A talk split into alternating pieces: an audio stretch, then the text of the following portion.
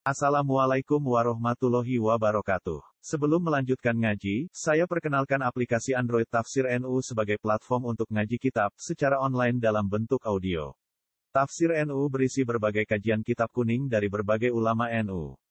Silahkan download aplikasi Tafsir NU di Google Play Store. Link download ada di deskripsi. Wassalamualaikum warahmatullahi wabarakatuh. Bismillahirrahmanirrahim.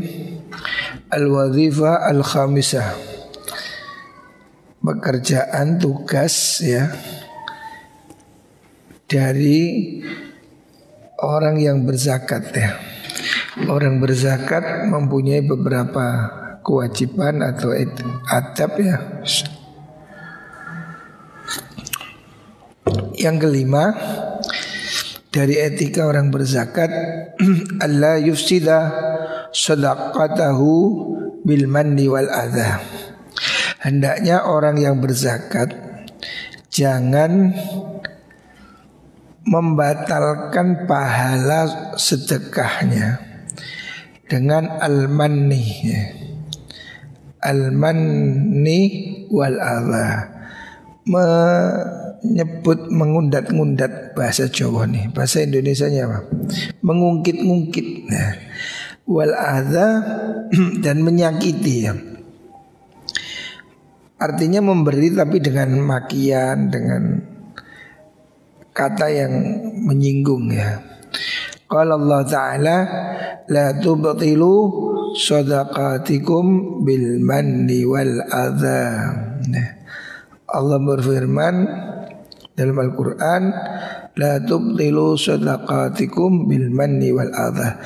Jangan kau batalkan ya Jangan kau batalkan sedekahmu dengan mani ya. Ngundat-ngundat, ngungkit-ngungkit wal adha dan jangan kau batalkan dengan menyakiti ya. Ucapan yang menyakiti orang yang menerimanya ya. Wahdalafu fi haqiqatil mandi wal adha Ulama berbeda pendapat tentang hakikatnya mani itu apa? Ini kan hampir serupa ya. Haqiqah dari kata-kata al-mandi wal adha ya. Maka ulama mengatakan Faqila al-mannu ayyadhkuraha Menurut satu pendapat Yang dimaksud dengan al-mannu Itu adalah menyebut-nyebut ya itu loh dari saya ya. Itu dari saya. Itu dari saya. Nah, itu disebut-sebut diungkit-ungkit ya. Itu namanya al-mannu. Kemudian wal adha ayudhiraha. Yang dimaksud adha itu menampakkannya ya. Oh itu itu uh, menampak-nampakkan ya jadi memberinya itu pakai manggil televisi atau pakai apa? Uh, speaker, pakai woro-woro ya. Itu tidak bagus. Kemarin yang disebutkan hendaknya orang ini memberi itu kalau bisa kan rahasia ya. Kalau bisa ikhfaus sadaqah Kecuali kalau memang ada tujuannya Kemarin kan disebutkan Orang ini Kalau Memberi zakat Hendaknya Tidak diumumkan. Oh kemarin sudah diterangkan ya. Oh pastinya kita pasti pada Al-Wadhif Ar-Rabi'ah ya.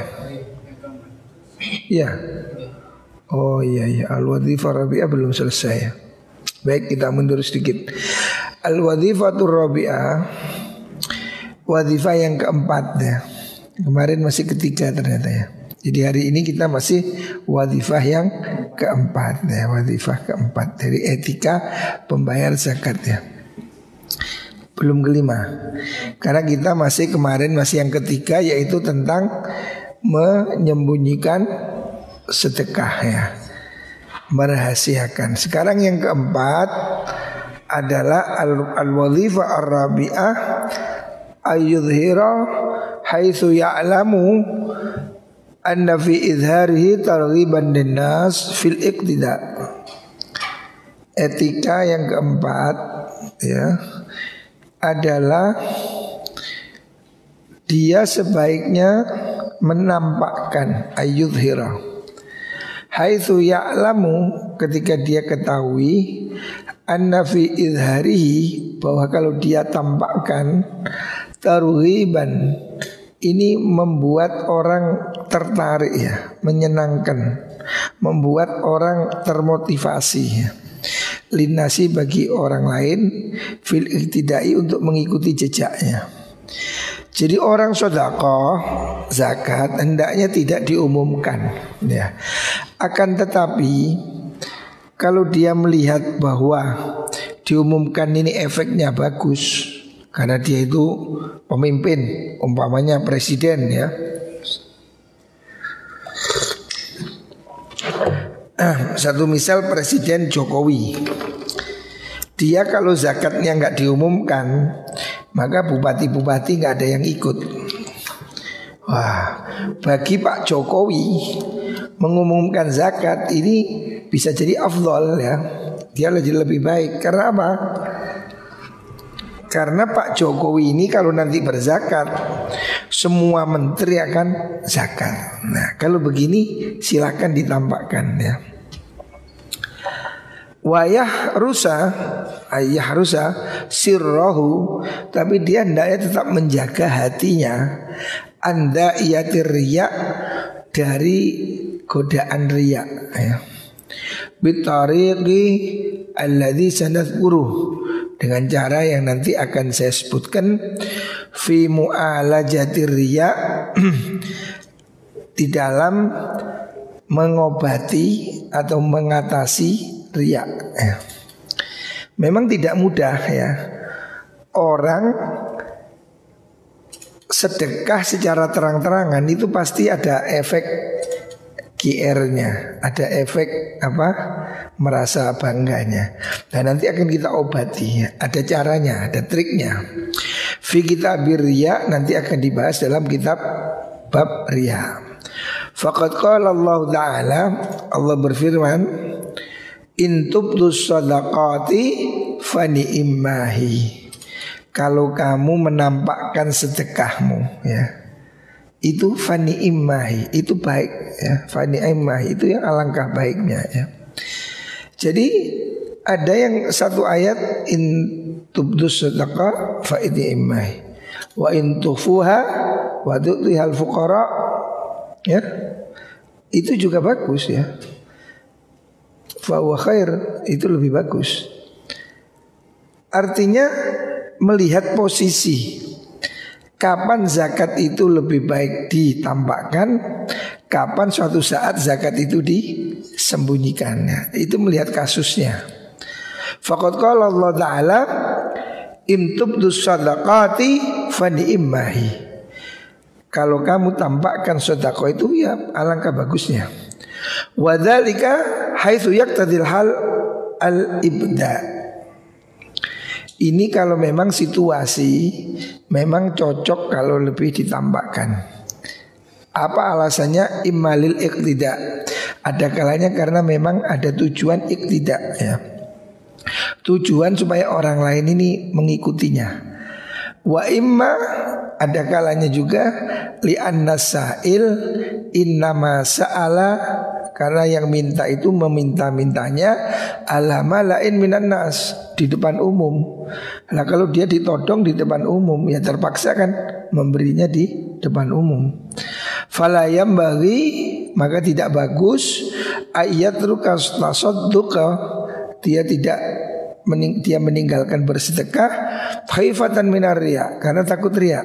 Jadi kalau memang dia itu dimintainya di tempat umum ya berikan di tempat itu. Tidak tidak bagus kalau ditunda nanti aja takut teriak. Karena kalau ditunda bisa jadi nggak jadi memberi ya. Makanya kalau posisinya seperti itu sebaiknya ya langsung diberi aja, nggak apa-apa. Bali yang bagi ayat sodakoh maka sebaiknya dia tetap sedekah wa yahfadhu sirrahu dan dia tetap menjaga hatinya anir riyai supaya tidak riak ya. Jadi hatinya yang kita kontrol ya. Jangan riak. Bikotril imkani dengan semampunya ya. Sebisa-bisanya lah ya. Wada demikian ini li fil izhari mahzuran salisan. Kenapa kok kita ini harus menjaga diri? Karena ada bahaya ya. Dalam menampakkan zakat ini ada bahaya. Yang ketiga, salisan. Siwal manni waria. Selain mengungkit dan ria, ada lagi yang perlu kita hindari. Apa? Wahwa hadku bahwa hadku setril fakir yaitu merusak kehormatan orang fakir. Kan orang ini fakir ini kan gengsi sebetulnya, ya kan? Orang fakir itu menunjukkan tidak mampu itu sebetulnya kan malu. Orang itu kan kalau orang normal ya, kalau orang yang uh, berbudaya meminta itu kan gengsi ya. Menerima juga begitu. Makanya kalau diberi di depan orang, dia itu kan akan rusak kemaluan. Artinya dia itu akan privasinya. Kalau bahasa sekarang itu melanggar privasi. Makanya saya juga nggak begitu setuju ya sekarang ini kan mesti santunan Santunan kan gitu caranya Bahwa santunan yatim piatu Anak yatim dinaikkan panggung Diberi Itu kan eksploitasi ya Kalau bahasa sekarang namanya eksploitasi Mbok yang nggak usah dinaikin panggung Cuma dikasih uang 50 ribu aja di foto Di ini Bagaimana perasaan dia Kan ada, dia harus ada empati ke situ ya. Jadi memberi di depan umum itu bisa merusak perasaan. Ya. Kan kasihan santunan anak yatim dinaikkan ke panggung. Ya kan dia kan malu. Kenapa dia menerima? Kan bagi orang yang polos ya, bagi orang yang normal ya ber, ber apa budaya menerima itu sebetulnya tidak menyenangkan apalagi di depan umum ya menerima santunan fakir miskin kan kelihatan ya walaupun dia fakir tapi kan kalau bisa kan jangan ditampakkan gitu loh. Makanya memberi di depan umum itu terkadang malah melukai hatinya gitu. Fa innahu rubbama yata'adza. Demikian ini terkadang akan menyakiti ya. Bi ayyura fi suratil muhtaj kalau dia tampak dalam posisi butuh ya. Orang miskin pun kan juga punya harga diri. Makanya tidak bagus sebetulnya memberikan apa santunan di depan umum ya, tidak bagus. Kecuali kalau ada tujuan tertentu Yaitu untuk memberi semangat ya. Mungkin itu dibolehkan Tapi sebetulnya sedekah ini tidak perlu dieksploitasi. Faman azhar soal maka barang siapa menampakkan permohonan artinya dia di depan umum minta ya sitra nafsi berarti dia telah merusak tutup kehormatan dirinya. Ya kalau dia minta di depan umum berarti kan dia yang meminta. Ya tidak apa-apa diberi di depan umum tetapi kalau dia itu tidak minta begitu sebaiknya tidak diberi cara begitu ya. Fala yahdharu hadzal makna fi idharihi. Kalau orang itu memang minta di depan umum maka ya tidak tidak dikhawatirkan arti menyakiti yang seperti tadi karena apa? Dia memang sengaja minta di depan umum berarti dia sudah tahu konsekuensinya ya. Ini untuk yang tidak demikian. Artinya hendaknya kita itu menjaga perasaan orang miskin. Janganlah orang miskin itu diberi tapi sambil minta foto Diberi sambil selfie.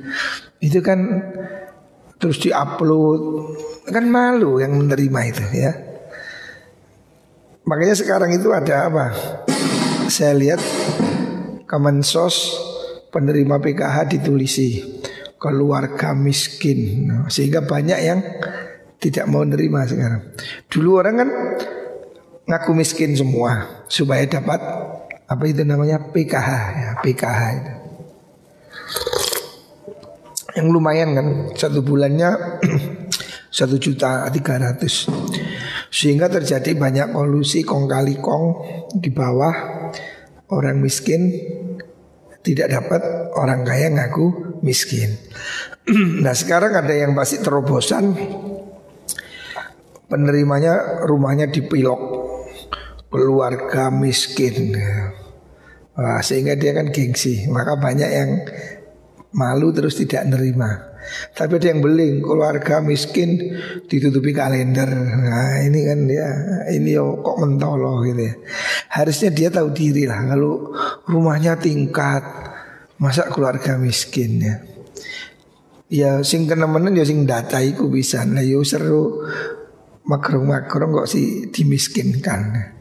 Itu tidak bagus ya bahwa kaidaril fiski ala man yatasattaru bih menampakkan pemberian di depan orang itu seperti halnya menampakkan kejelekan orang, kefasikan orang bagi orang yang menutupinya. Kan kita ini tidak boleh ya. Ada orang jelek terus kita jelek-jelekan. Ya. Itu hati sitri, merusak tutup Tuhan. Tuhan sudah menutup kita buka. Kecuali kalau dia terang-terangan ya, maka ya berarti dia yang membuat orang menjadi menggunjing. Ya. Mahdur menggunjing itu tidak boleh. Wat tajassus fihi mencari-cari kesalahan juga tidak boleh. Wal ightiyabu bidzikrihi menggunjingkan di belakang orang manhiyun anhu itu tidak boleh. Ya. Tetapi fa'amma man adharohu kalau ada orang memang terang-terangan nggak puasa rokokan di jalan jeblak gagang gagang nah ini kan memang dia menutup membuka tutupnya. Ya kalau begitu boleh dirasani oh, itu jangan ditiru ya. Itu si bandot itu nggak puasa minum di jalan ya nggak apa-apa. Karena apa? Dia apa? Membuka dirinya. Tapi kalau ada orang nggak puasa, sembunyi ya, dia nggak puasa tapi sembunyi, maka kita nggak boleh ngonangi terus diumumkan, eh kondroh, iku mang tiba eh anu mokel, kendi keisor pun aku ketok sigitan. Nah itu nggak boleh karena apa? Orang ini kan sudah sembunyi ya, dia berdosa ini kan dia sudah berusaha menutupi diri, nggak boleh ini kita umumkan. Kok tadi saya jalan ke situ kelihatan warung makmar kok ketok sandali Samsul rupanya. itu tidak boleh terus kita umumkan nih Samsul gak boso apa? Iku sandalnya ada di warung tidak boleh. Karena apa? Dia kan sudah sembunyi. Tetapi kalau dia itu terang-terangan umpamanya poso siang-siang rokokan merokok sambil bawa es sambil bawa apa botol maka kita boleh menggunjing itu gimana sih itu? Si pentol itu kok kayak gitulah itu boleh karena apa dia terang-terangan ya. boleh tapi kalau dia itu sudah sembunyi sebenarnya dia itu sudah menutupi diri kok kita tampakkan itu tidak boleh gitu loh fa haddi alaihi tapi kalau orang itu jarak terus dihukum itu kan mempermalukan dia. Tidak apa-apa. Karena apa? Dia sendiri yang mencari gara-gara gitu loh. Walakin huwa sababu fiha karena dia kan sebab dia sendiri. Wa bimithli hadzal makna dengan artian seperti ini qala sallallahu alaihi wasallam man alqa jilbabal hayai fala ghibata lahu. Siapa orang melepaskan tutup sifat malunya maka tidak apa-apa digunjing ya. Karena dia memang serius dia ngomong gitu kan ya. Kalau dia memang terang-terangan ya sudah berarti dia telah melepaskan tutup rasa malunya. Tidak apa-apa digunjingkan. Tetapi digunjingkannya ini sebagai apa? Nasihat. Oh jangan diru itu loh tidak puasa. Itu loh namanya soleh tukang ngadu PT umpamanya karena memang terang-terangan gitu supaya tidak ditiru tidak apa-apa ya. Fakat qala Allah Ta'ala wa anfiqu mimma razaqnahum sirraw wa alaniyah. Allah berfirman dalam Al-Qur'an wa anfiqu mimma razaqnahum sirran wa alaniyah. Hendaknya kamu menafkahkan dari bagian rezeki yang telah diberi saya beri oleh Allah kepada mereka sirran wa alaniyah. Artinya Allah memang memerintahkan itu dua.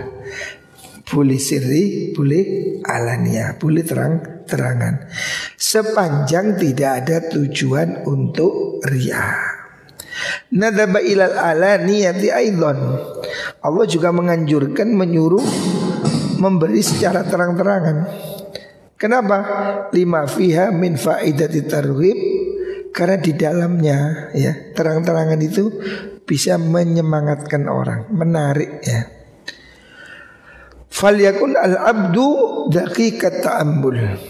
Tapi hendaknya orang itu selalu berusaha memikir yang sedemikian mendetail. Artinya dia harus mengintrospeksi keras ya untuk menimbang ya.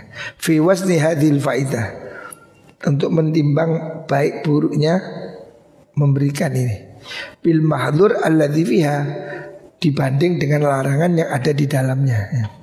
Maksudnya di dalam alaniyah tadi. Karena memberi terang-terangan itu kan bisa jadi mengandung unsur ya. Makanya hendaknya orang itu selektif gitu ya. Hendaknya dia hati-hati ya.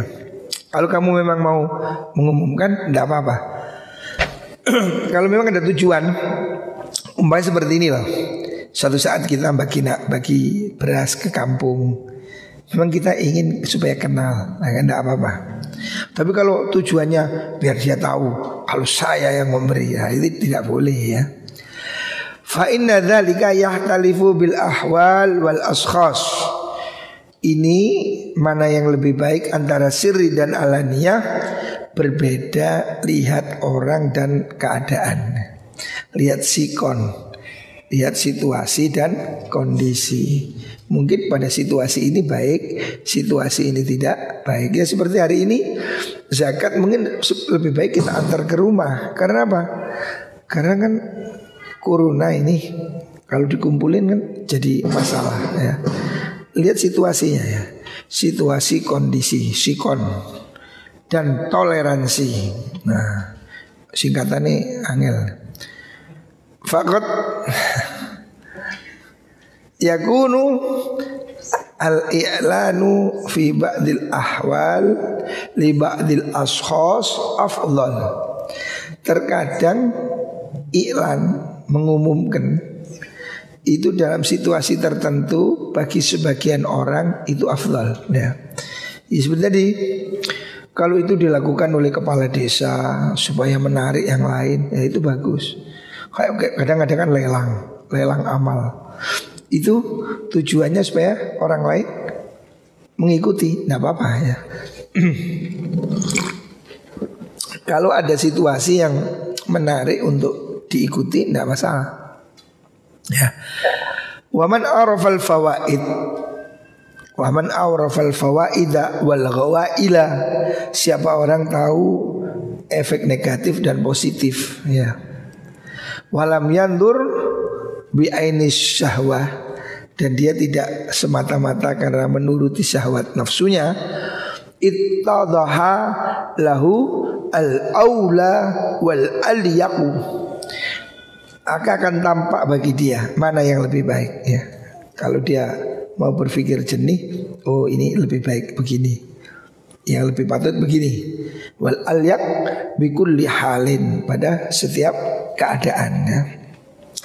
Nah sekarang al wadifah al khamisah ya. Tadi ngetril dikit. Al wadifah khamisah sekarang kita baru pembahasan wadifah yang kelima Tugas yang kelima dari etika orang berzakat ya. Yang kelima apa? Allah yufsida sodakbatahu bil mandi wal Allah Hendaknya jangan merusak pahala amal dengan mengungkit-ungkit dan menyakiti. Maksudnya menyakiti ini ya dengan menampak-nampakkan ya seperti tadi dengan diupload, dengan di media sosial kan sehingga orang itu kan malu gitu ya. Kalau Allah Ta'ala La tubtilu sadaqatikum bil mandi wal adha. Allah mengatakan dalam Al-Quran Jangan kau batalkan sedekahmu Dengan mengungkit dan menyakiti. Wahtalafu fi haqiqatil manni wal adha. Orang berbeda pendapat ya Tentang hakikat man wal adha itu apa? Fakila al-manu ayadhkuraha satu kaul mengatakan manu itu disebut-sebut wal adza ayyudhiraha.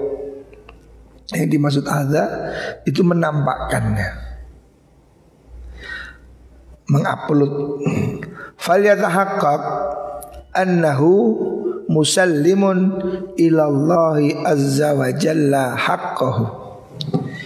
Hendaknya orang ini menyadari ya, menyatakan bahwa niat dia zakat itu menyerahkan pada Allah ya. Menyerahkan haknya pada Allah Kita ini zakat kan karena mengikuti perintah Gusti Allah Bukan karena nafsu Makanya ketika berzakat Harus ada kesadaran bahwa saya sedang menyerahkan kewajiban saya kepada Allah ya. Jadi sesungguhnya saya orang yang berzakat ini tidak sedang memberi orang supaya tidak timbul rasa GR. Wah saya memberi, jangan kamu akan GR. Harus paradigmanya diganti. Apa? Saya berzakat ini saya menyerahkan kewajiban saya kepada Allah. Kan Allah menguji cinta kita ini dengan patuh ya. Orang kalau patuh, kalau cinta itu kan pasti patuh ya orang cinta ini pasti ada kepatuhan ya. Kamu kalau naksir orang pasti kamu disuruh apa pun ah, sampai walaupun lautan apa lagunya ini loh. lautan bara walaupun akan lompati gunung orang itu atas nama cinta akan melakukan apa yang nekat gitu lah lah kita ini kan ngaku cinta Allah. Maka saya Kita ini diuji kesetiaan oleh Allah. Mau nggak kamu kurangi hartanya? Makanya ketika membayar zakat Harus disyakini Bahwa saya sedang menyerahkan Kewajiban saya kepada Allah. Gitu loh. Cinta perlu pengorbanan. Nah atas nama cinta nah, kamu akan menyerahkan apa saja. Atas nama cinta nah, bahasa gombalnya gitu bahasa gombalnya jadi atas nama cinta itu apa pun orang akan melakukan. Nah kalau kamu cinta Allah lakukan zakat ya. Makanya ketika menyerahkan zakat yang ada di pikiran kita adalah saya sedang menyerahkan hak kewajiban saya kepada Allah Subhanahu wa taala. Ya. Supaya kita tidak memandang rendah orang miskin ini Karena apa? Orang miskin ini orang yang sedang disuruh Tuhan mengambil dari saya ya. Itu loh Jadi jangan menganggap dia itu penerima Enggak Yang nerima itu Allah gitu loh Supaya kita ini tidak merasa superior Orang miskin, kamu butuh saya. Jangan begitu, salah. Kamu harus mengambil paradigma yang lebih baik Yaitu apa? Bahwa saya sedang menyerahkan kewajiban saya kepada Allah Dan orang miskin ini petugas ya. Sama dengan begini loh Kamu ditarik pajak Kan kamu nggak merendang mendang rendah pejabat pajak karena apa? Dia utusan negara mengambil pajak bahkan dia malah kadang lebih galak pada kita. Nah, kita pada posisi yang lemah di mata petugas pajak ya. Karena petugas pajak ini bisa menghukum, bisa wah, mendenda ya. Ya, hendaknya orang kaya pada orang miskin itu memperlakukannya seperti itu. Orang miskin itu adalah petugas dari Allah untuk ngambil kewajiban kita. Makanya jangan direndahkan dia itu disuruh oleh Gusti Allah. Kita ini diperintah nyerahkan oleh Allah gitu loh. Supaya kamu jelas ya. Wal fakir akhidun minallahi ta'ala. Orang fakir itu dia mengambil dari Allah, gak mengambil dari kita. Kita menyerahkan kepada Allah. Orang fakir itu diberi oleh Allah, gitu loh, bukan oleh saya. Makanya jangan jangan direndahkan. Orang fakir yang mengambil zakat dari kita itu dia mengambil haknya yang diberi oleh Allah. Rizkohu pada rizkinya ba'da sayyuratihi setelah harta itu diserahkan menjadi musallaman diserahkan ilallah azza wa jalla. Ini supaya orang yang berzakat ini tidak merasa lebih baik dari fakir miskin. Karena apa? Sesungguhnya kita ini berzakat itu diserahkannya ke Allah gitu.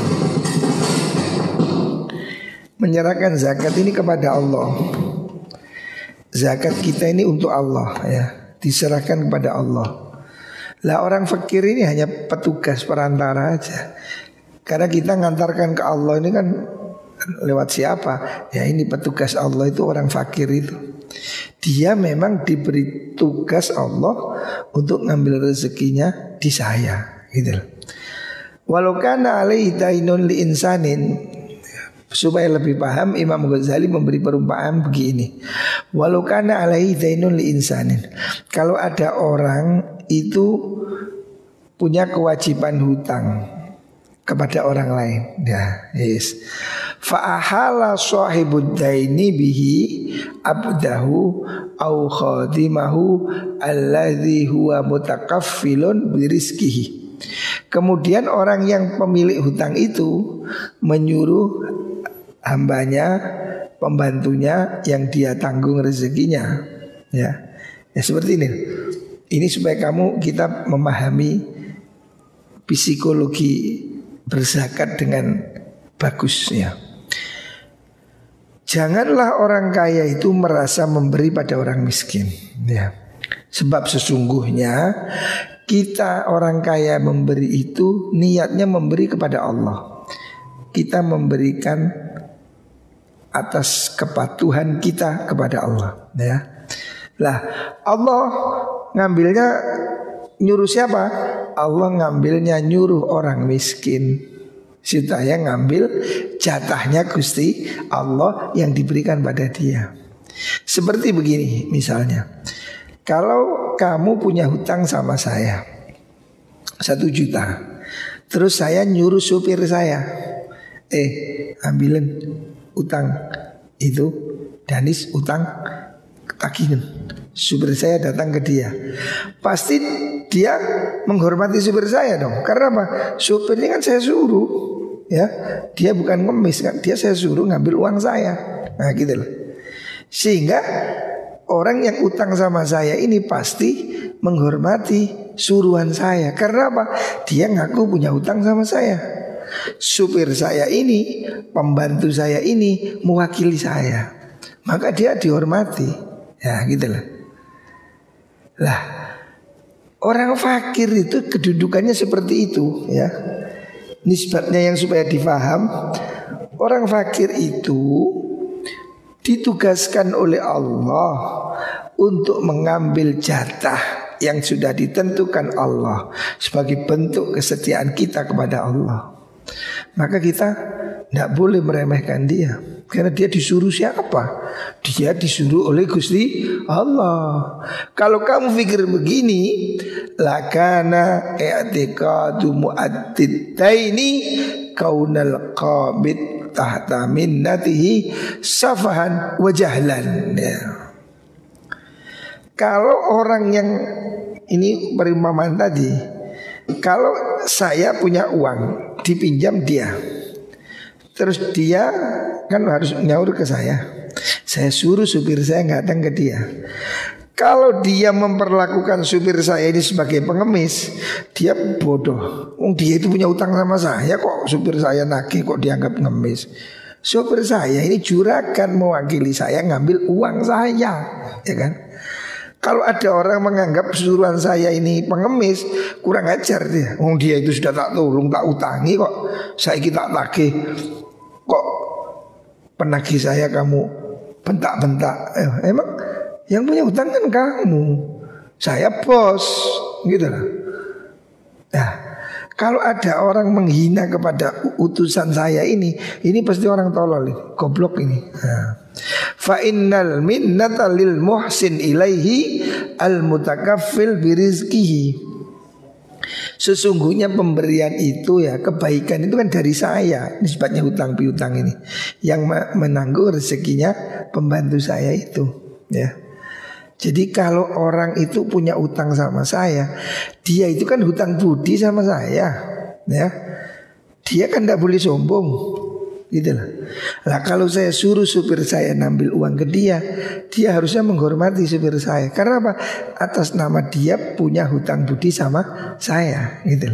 Lah orang miskin itu utusannya Gusti Allah. Gusti Allah itu siapa sih? Gusti Allah itu yang memberi kita hidup ini. Hah? Gusti Allah ini bukan sekedar yang ngutangi kita tapi yang memberi kita. Makanya kalau Allah itu meminta kok kamu galak-galai, alangkah kurang ajarnya kamu. Ya? Masa yang memberi kamu bentak-bentak ya? Kok banget ya? Nah, itulah. Amma huwa fa inna ma yaqdil ladzi lazimahu bi syira'i ma ahabbahu. Fa huwa sa'in fi nafsi fala yamun nabi ala ghairihi. Ya.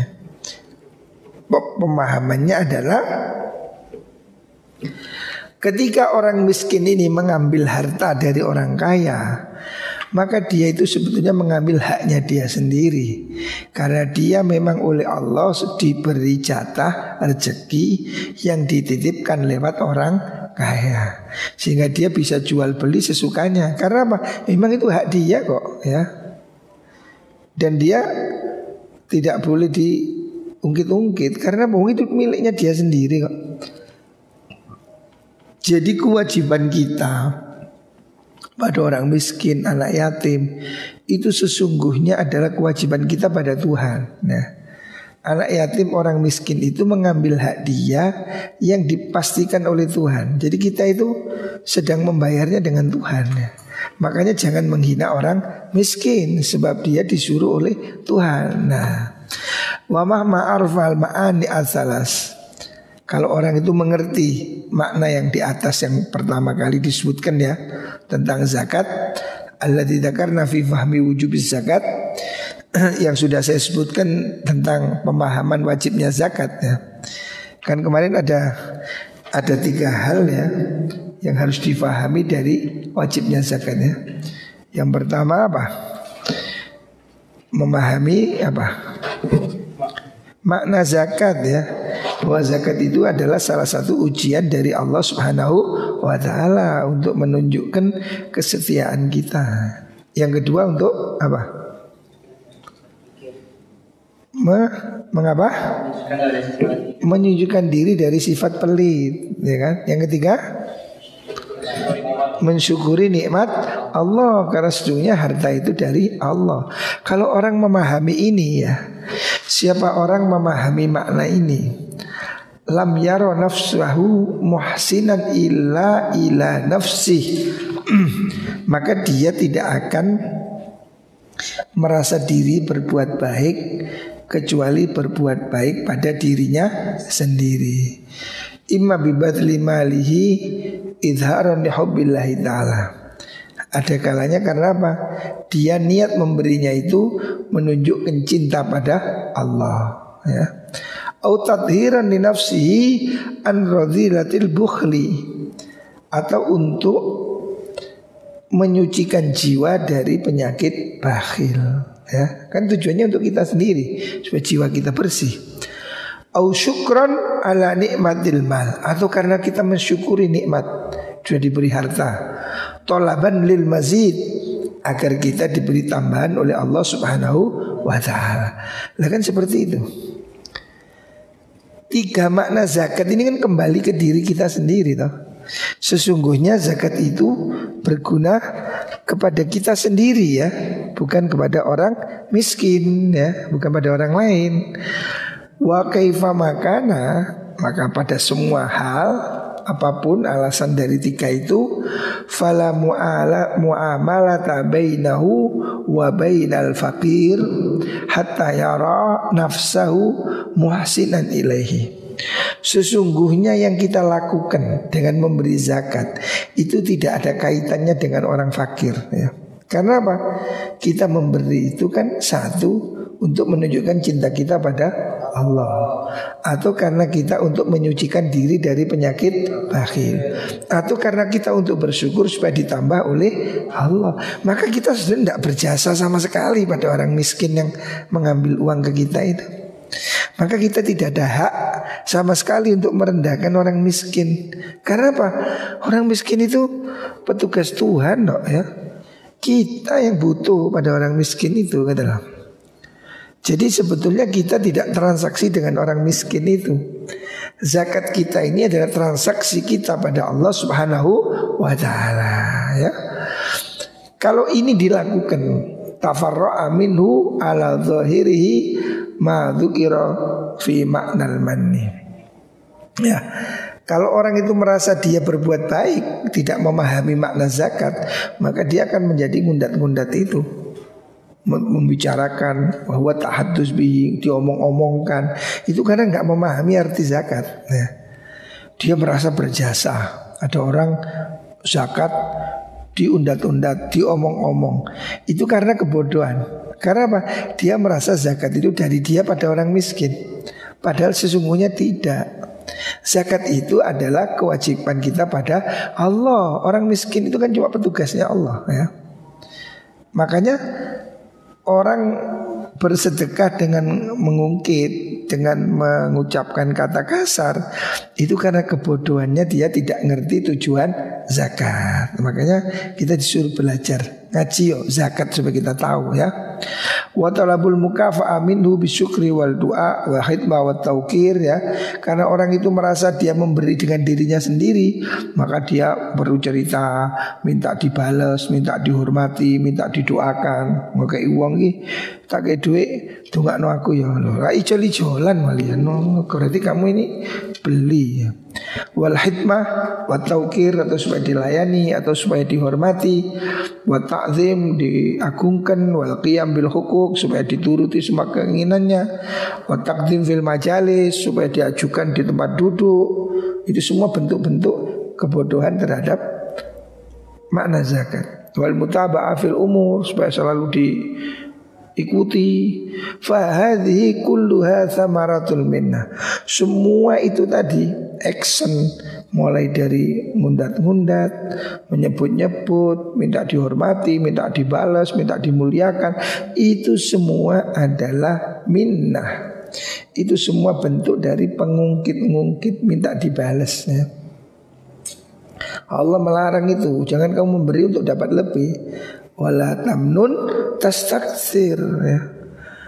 Wa na'mal minna fil batin mada karena itu arti yang yang disebut dari minnah ya seperti itu. Ingin diberi harapan apa? Imbalan wah kada saya yang memberi maka milihlah saya. Ah, mau pilkades nggak beri. Jangan lupa ada gambarnya lah. Ini bagian dari minnah itu ya. Dia tidak karena Allah Subhanahu wa taala.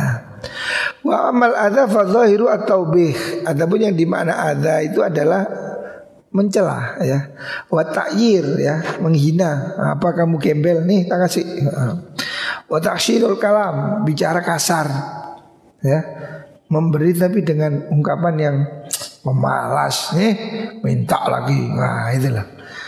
Watakbul wajhi ya. Ya mempermalukan.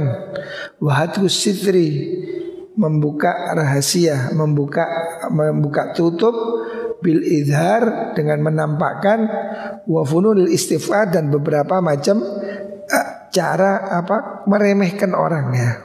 Istighfar. Karena dia miskin maka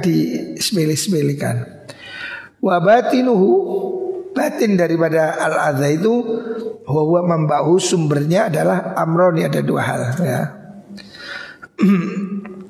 ada dua hal. Fayatahaqqaq eh, pun itu.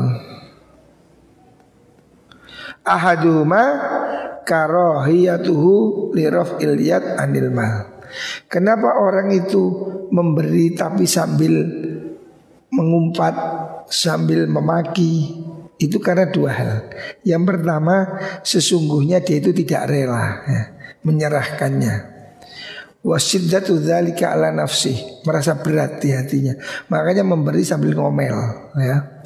Fa inna dzalika yudayyiqul khuluqa la mahalata. Kalau orang itu pasti punya sifat pelit, gegem, nggak mau menyerahkan, maka dia memberi tapi sambil hatinya nggak nggak enak ya. Maka dia makanya memberi sambil maki-maki. Nah ini bentuk ketidakikhlasan. Wasani yang kedua ru'yatuhu andahu khairun minal fakir.